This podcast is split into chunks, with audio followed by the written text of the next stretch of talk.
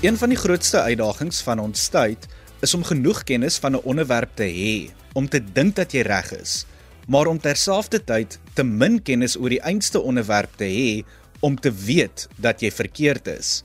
Dit is die woorde van sterrefisikus Neil deGrasse Tyson in sy aanlyn masterclass. Dit smokkel so 'n bietjie met jou kop, nie waar nie? Waarop dit eintlik neerkom is twee dinge. 1 Ons as mens sal sekerlik nooit alles van die wêreld weet nie en 2 dat ons nuuskierig moet wees om te leer. Hallo, ek is Adrian Brandt en ek kuier vir die volgende paar minute saam met jou in Kompas op RSG. Vanaand gesels ons oor iets wat na aan my hart lê en jy kan dit maar seker ook 'n filosofie noem, lewenslange leer. Ek onthou 'n paar jaar terug toe ek die hersieningsprogramme aangebied het en van evolusie by Colin Oppold en Lorraine Keen geleer het. Ek het met verwondering na hulle geluister en wou net meer weet. Ek het uiteindelik twee van Yuval Noah Harari se boeke oor die onderwerp gekoop en ook gelees. Ek kan nie verduidelik hoeveel ure se verdere oplees ek selfs daarna gedoen het nie.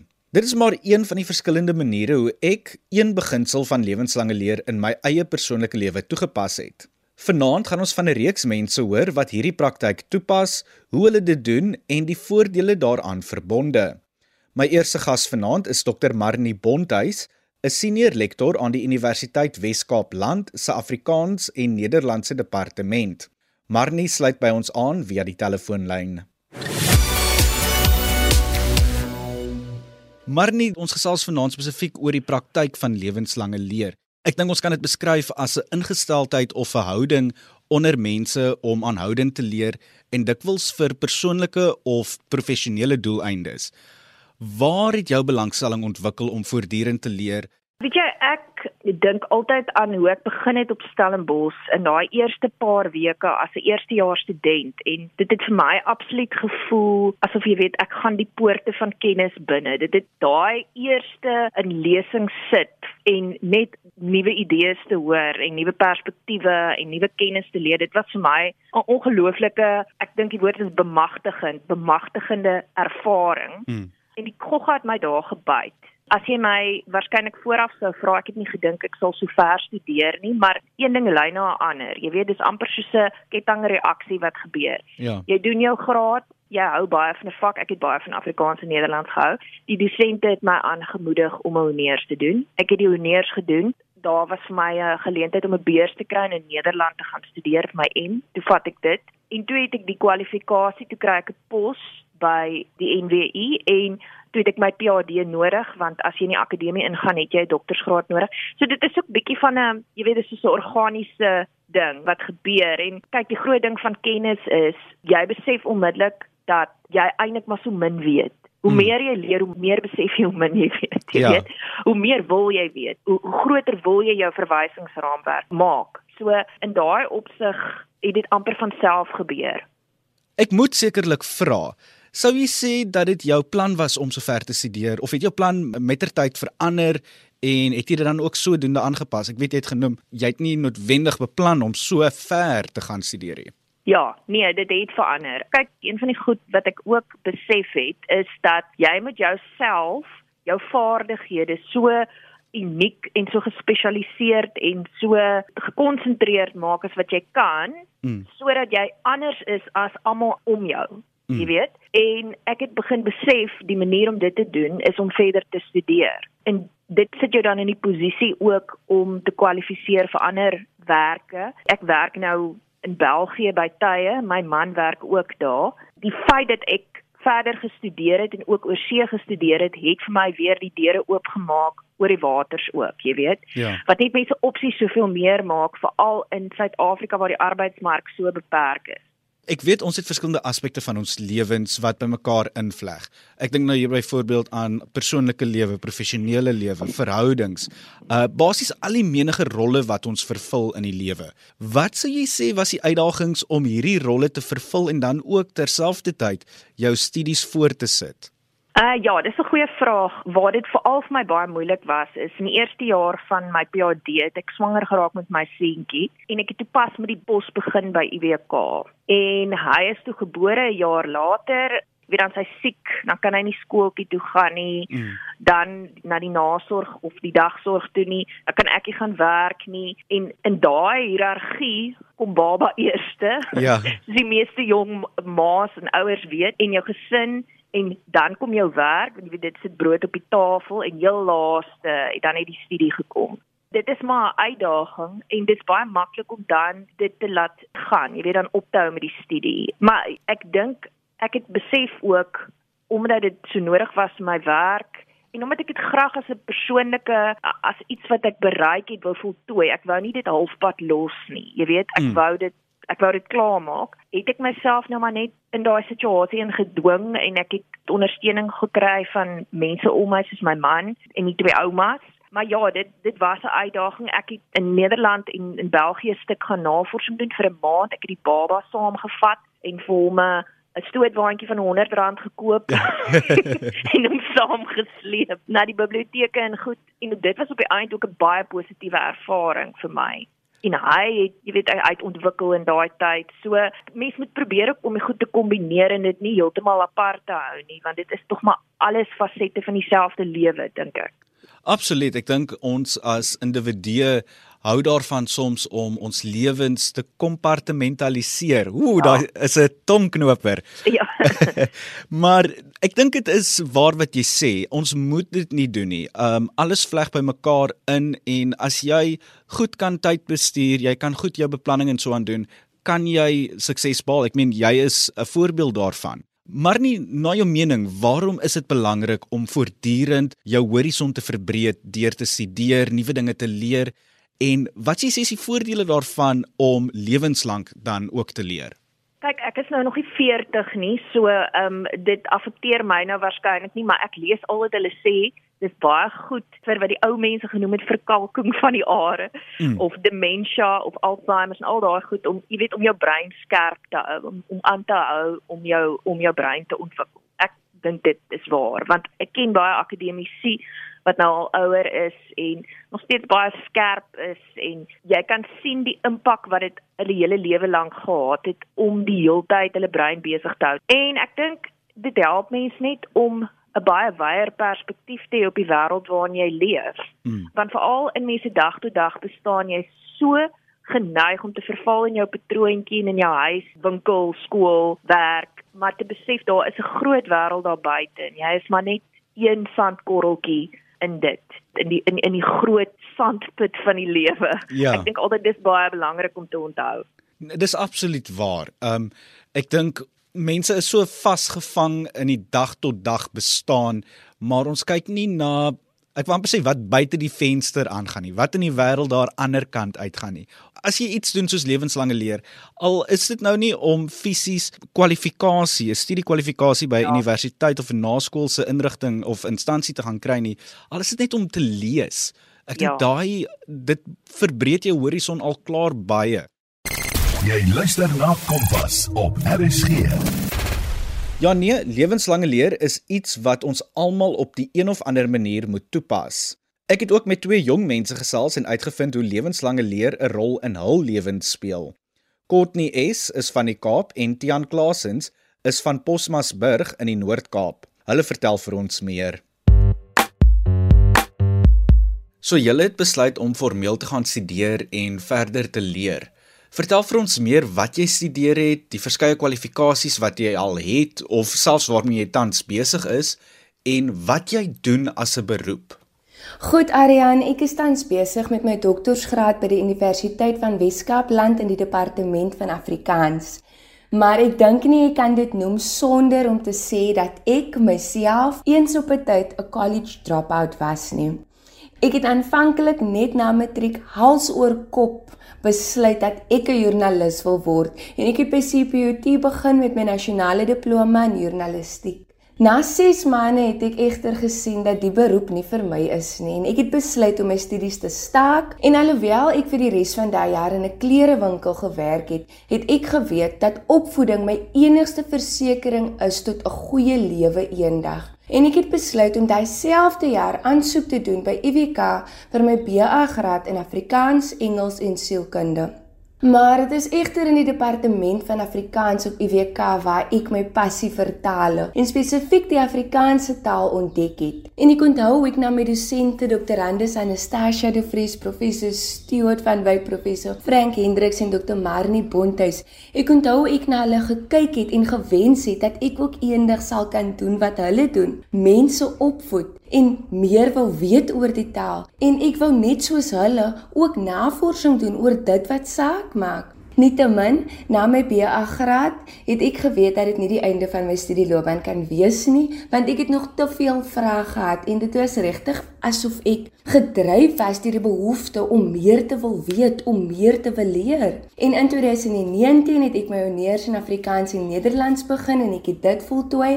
In 2020 het ek geregistreer vir my meestersgraad En in 2021 het ek graad gevang met my meestersgraad. Ek studeer tans voltyds vir my PhD en ek werk ook as 'n voor- en nagraadse dosent in die departement van Afrikaans en Nederlands op UWK. Ek het nie direk na skool gaan studeer nie want ek was nog nie presies seker wat ek wou doen nie. Ek het toe werk gekry as 'n geologiese assistent waar ek blootstelling gekry het in die omgewingsbestuursveld. Ek het baie daarvan gehou en het toe besluit om verder in omgewingsbestuur te studeer. Ek het my BA in environmental management gedoen en toe later my BSc honeurs in geografie gedoen en ek werk tans as 'n environmental officer. Nou, word hierdie kwalifikasies deur jou werk vereis of is dit uit jou eie wil uit? Sou jy sê dat jy persoonlik besluit het ek wil dit doen? My keuse om te spesialiseer in Afrikaans en Nederlands was hoofsaaklik uit vrye wil. En soos ek genoem het, was ek nog altyd geïnspireer deur my Afrikaanse dosente en met hulle ondersteuning en motivering het ek besluit om my studies in hierdie rigting in vol te sit om myself te vestig as 'n voltydse permanente dosent en eendag hopelik ook senior dosent, het ek al hierdie kwalifikasies nodig. Ek is tans besig met my D en ek hoop dat ek dit in tyd sal kan voltooi. Dit is eintlik al twee want om te kan werk in die omgewingsveld is die minimum vereiste deesdae eintlik 'n honeursgraad Maar ek het dit ook gedoen uit vrye wil want dit is vir my 'n baie interessante veld gewees en ek het altyd nog 'n belangstelling gehad van hoe die natuur werk en um hoe ons dit kan beskerm. Was jy nog altyd 'n nuuskierige persoon gewees om meer van sekere vakgebiede te weet en te leer en hoekom sou jy so sê? Ja, Arian, ek was nog altyd baie nuuskierig en ek het dit veral geniet om te lees en om te gesels en om vrae te vra. Toe ek die Afrikaanse departement op UWK betree het, was dit vir my 'n veilige hawe en 'n veilige ruimte om alles te doen wat ek geniet het om te doen. Ek kon gesels, ek kon vra vra, ek kon lees, maar meeste van alles ek kon meer leer. Ja, ek was definitief. Ek het nog altyd 'n belangstelling gehad in die natuur en hoe die aarde werk, hoe die aarde verander en hoe alles inpas by mekaar. Ek gaan net nou weer met Tian en Courtney gesels en van hulle hoor oor vanaand se onderwerp.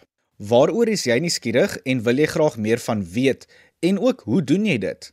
Vertel vir my. Jy kan vir my 'n R1.50 SMS stuur na 45889 of tweet vir my by Aryan Brandt. Volgende maand gaan ons meer en meer op entrepreneurskap fokus en uitvind hoe die jeug daarbey betrokke is. Maar ek moet jou eers vanaand van 'n storie vertel wat ek verlede week gelees het. Drie studente aan die Universiteit Kaapstad het 'n unieke en innoverende oplossing gekry om jou internet aan te hou tydens beurtkrag. Brian Gedisi, Temba Adebe en Allen G het 'n toestel ontwikkel, die Y-Box, en dit in 'n besigheid omskep. Ek het met LNG gesels en meer uitgevind hieroor. Allen, jy, Brian Gedisi en Temba Hadebe het die Y-Box ontwikkel. Dit is 'n toestel wat verseker dat jou fiberkonneksie steeds aan die gang bly gedurende beurtkrag. Waar het die idee vandaan gekom om hierdie toestel te ontwikkel? Well, well, the idea behind the Y box, I suppose, it came from a, a, frustration that we all as South Africans know very well. You know, when ESCOM flip that switch and you don't have any power. Um, the idea came about, as I suppose at the time, there was nothing really on the market that would just specifically power your internet during load shedding. and it was just uh, at the start of lockdown, so it was also quite hard to find anything. So I went about trying to find the solutions just to keeping the Wi-Fi going. I had a phone and a laptop. I was at university and I wasn't able to submit my assignments or watch my Netflix when I wanted to. And so many iterations and the Y-Box came about. Nou die ontwikkeling van die Y-Box is 'n klassieke voorbeeld van 'n innoverende oplossing en 'n dringende behoefte wat bymekaar kom. Soos ek verstaan het hierdie toestel toe uiteindelik tot die skep van julle eie besigheid gelei, Arion Power. Vertel vir ons meer daarvan. When it first started, you know, as mentioned, it was a solution just for an individual, not really a business that had been thought out, I suppose. When we first started, we didn't even realize there was such a, a demand for the product until you have one and then somebody else asks you to make one and so on and so forth. Um, in terms of the process of, of creating the Y box, um, the Y box started off with just a little basic circuit attached to a battery, and it's iterated from there, including different ways to charge the battery into the Y box that it is now. And in terms of turning it into a business, we started at the University of Cape Town. Um, we did a practical postgraduate diploma, which is where I met Brian and Temba. And your thesis or your, your main project is to run a business. And this turned into Arion Power and Y-Box that we run from there. Hoe presies werk die Y-Box en kan dit meer as net 'n internetrouter van krag verskaf? So the Y-Box, basically it's got a little smart circuit inside there which detects when there is load shedding or isn't load shedding. Um, it's permanently plugged in between your wall power and your Wi-Fi router and it will automatically switch over when there is load shedding without any kind of drop in demand. So in designing the product, the aim of it was to provide something that was affordable um, we are looking at a couple of attachments, etc., to the Y box as well as complementary products. Um, but the Y box is specifically designed just to keep your internet going during load shedding. Dan LNG, een van die studente wat die Y-box ontwikkel het wat jou toelaat om jou internetkonneksie steeds te laat hardloop wanneer daar beerdkrag is. Die wonderlike ding van hierdie uitvindsel is dat die impak van beerdkrag so 'n bietjie minder is op besighede aangesien hulle steeds kan handel dryf met kaarttransaksies. Ek gesels nou verder met Tian Klasens en Courtney S. Beide is twee jong mense wat nuuskierig is oor hul vakgebiede, maar ook die wêreld daar buite. Hulle verduidelik wat lewenslange leer vir hulle beteken en deel ook wenke oor waar jy kan begin of wat jy kan doen om meer te leer oor dinge wat jou interesseer. Nou vir iemand wat besluit het om verder te studeer en hoër kwalifikasies as die gemiddelde persoon te kry, glo ek dat jy sekerlik 'n voorstander van lewenslange leer is. Wat presies beteken lewenslange leer vir jou en hoe pas jy dit toe in ander aspekte van jou lewe, soos byvoorbeeld op 'n persoonlike vlak? Ek dink daar is verskillende aspekte verbonde aan lewenslange leer. Ja, ek dink formele kwalifikasies is uiteindelik 'n belangrike faset daarvan, maar ek dink die belangrikste lewenslange leer wat almal kan en moet ervaar, is op sosiale en op 'n persoonlike vlak. Dit is belangrik dat jou perspektiewe, aannames en kennis gereeld groei en aangepas word. En wanneer jy hierdie tipe groei ervaar, kom die behoefte na vore om beter te wil wees, om die beste weergawe van jouself te wil wees. En as ek eerlik moet wees, dink ek opvoeding het vir my 'n toegangsroete geword om die beste weergawe van myself te word. Ek dink die belangrikste aspek van lewenslange leer is uiteindelik die persoonlike groei wat daarmee verband hou. Ek is definitief 'n voorstander van lewenslange leer. Vir my beteken lewenslange leer om mense kennis oor die wêreld te verbreek. Dit maak mense 'n interessante persoon. Dit verbreek jou perspektief van die lewe. Dit skep vir jou geleenthede en dit gee jou ook die kans om 'n verskil in die gemeenskap te kan maak.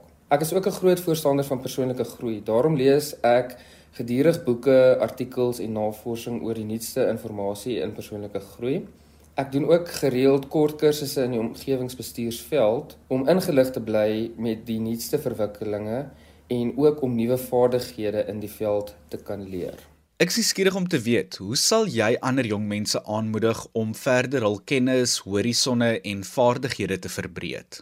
Twee woorde sal ek sê: lees en skryf. Hoekom 'n mens bly ingelig as jy lees en jy lig ander mense in wanneer jy skryf? En dit is uiteindelik die siklus van lewenslange leer, to be taught and to teach. Lewenslange leer maak jou net 'n slimmer persoon. Dit maak dat jy meer in gemeenheid met ander mense. Dit help ook dat jy ander mense se belangstellings beter verstaan. Dit laat jou groei as persoon en dit help ook met jou professionele groei deur om nuwe vaardighede aan te leer. Kan jy dalk voorbeelde vir ons deel waar jy dalk op 'n onkonvensionele of informele manier iets nuut geleer het? Um ek onthou in my eerste jaar as voorgraadse student was ek in Dr. Handes Anastasia de Vries se klas. En sy het met ons die vreeslike moeilike teorie van retorika behandel en gedoen. En ek kon dit eenvoudig nie begryp of verstaan nie. En om alles te kroon, gee Dr. Handes de Vries vir ons 'n Charlie Chaplin film om hierdie teorie op toe te pas. Maar die punt wat ek wil maak is of wat ek uit daai onkonvensionele manier van leer geleer het, is dat boekekennis, teorie en navorsing maar eintlik gebaseer is op die regte lewe. Dit is nie twee afsonderlike stelsels nie, maar alles wat jy uiteindelik op 'n formele wyse leer, kan jy toepas en waarneem in die regte of in die reële lewe.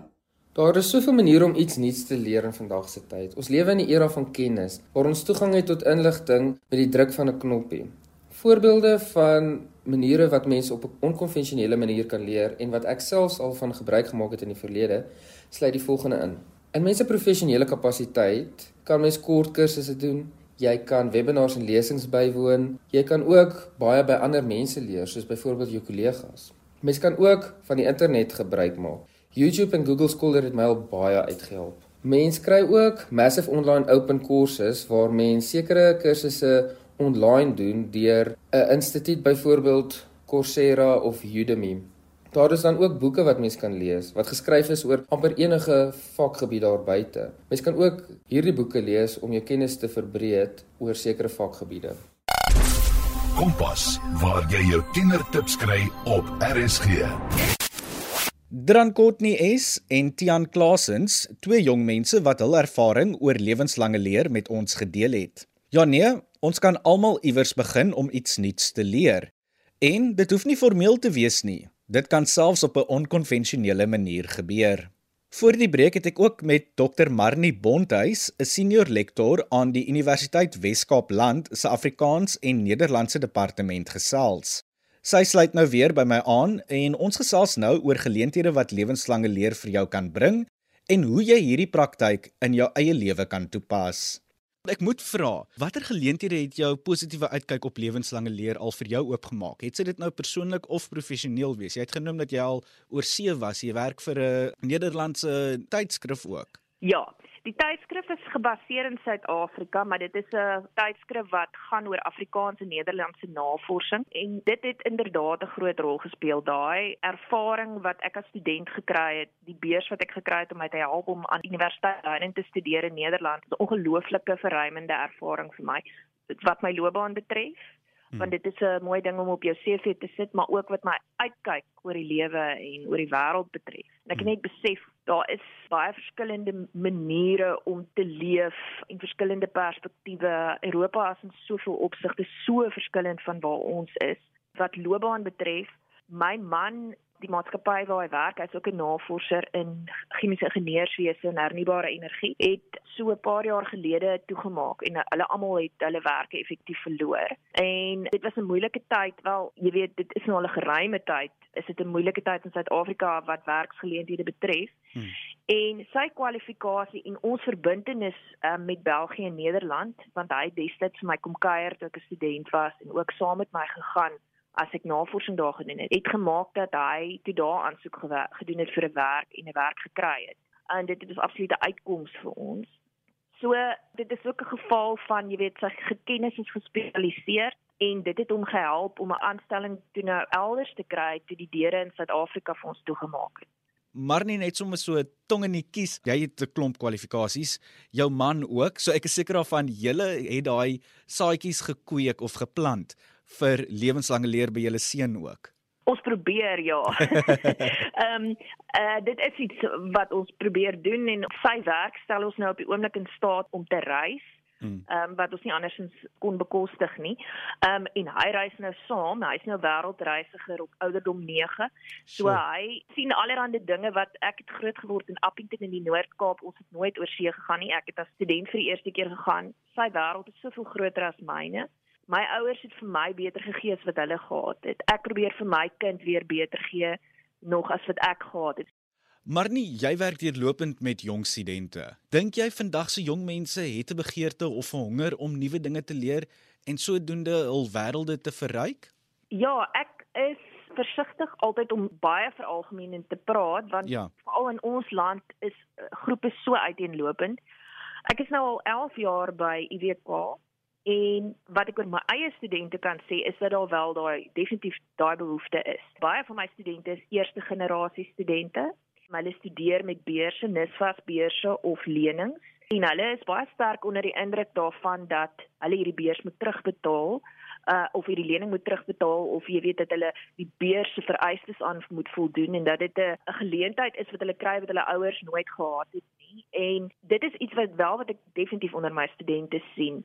Hulle vat geleenthede wat hulle kry. Hulle gaan as ons nou 'n geleentheid 'n besoek organiseer aan 'n fees, dan sal my studente gaan en hulle sal ek het 'n projek begin waar ek boeke soos 'n biblioteek in my kantoor eintlik maar aanhou. Ek en 'n een kollega en jy weet studente kom al boeke en hulle lees dit en hulle kom vertel vir jou waaroor hulle gelees het. So ek sien dit beslis onder my studente en dit is een van die groot positiewe aspekte van vir my van klas gee op by UWK. Dis wonderlik. Lewenslange leer kan ook in verskillende vorms voorkom. Uh dit mm. kan kennis of vaardighede wees wat jy aanleer en dit kan ook formeel of informeel wees dit waarna ons nou geraak het hmm. waar sal jy jong mense aanraai om te begin met lewenslange leer en daai saadjies te plant vir die toekoms Um, dis nou presies 'n aansluiting by wat jy nou gesê het, boeke. Kyk, dis my aanbeveling vir alles. As 'n vriendin vir myself kind sukkel om 'n essay te skryf by die skool, dan sê ek hy moet meer boeke lees en as hy sukkel om te spel, sê ek lees meer boeke. Ja. Um en en dit kan storieboeke wees. Jy weet dit hoef nie, dit kan fiksie wees. Dit hoef nie bronne akademiese of feitelike boeke te wees nie, want selfs al lees jy 'n uh, liefdesverhaal en die liefdesverhaal speel af in Antarktika, dan leer jy iets van Antarktika. Jy weet dit verplaas verbaas jou en mm. dit bring vir jou ander agtergronde perspektiewe van ander mense. En dan natuurlik, jy weet, ons is eintlik baie gelukkig in die era waarin ons leef dat jy deur sosiale media kontak het of toegang het tot soveel nuusbronne. Ek raai altyd my studente aan om wyd te lees. En met wyd lees bedoel ek as jy die nuus lees, moenie dit net vanuit een ideologiese perspektief lees nie. Ja. Moenie net CNN kyk nie. Kyk Fox ook moenie net Marula Media lees nie. Lees Vrye Weekblad ook. Dran Dr Marnie Bonthuis, 'n senior lektor aan die Universiteit Wes-Kaap Land se Afrikaans en Nederlandse departement wat gesels het oor lewenslange leer. Ek dink twee van die belangrikste dinge om weg te neem van vanaand se program is die volgende. 1. Ons is nooit te oud om te leer nie en 2. Ons kan elkeen iets by mekaar leer. Nou ja, ek groet Martleen Oosthuizen is môre aand weer aan die stuur van sake en ek kuier volgende week weer saam met jou. Van my kant tot dan, mooi loop.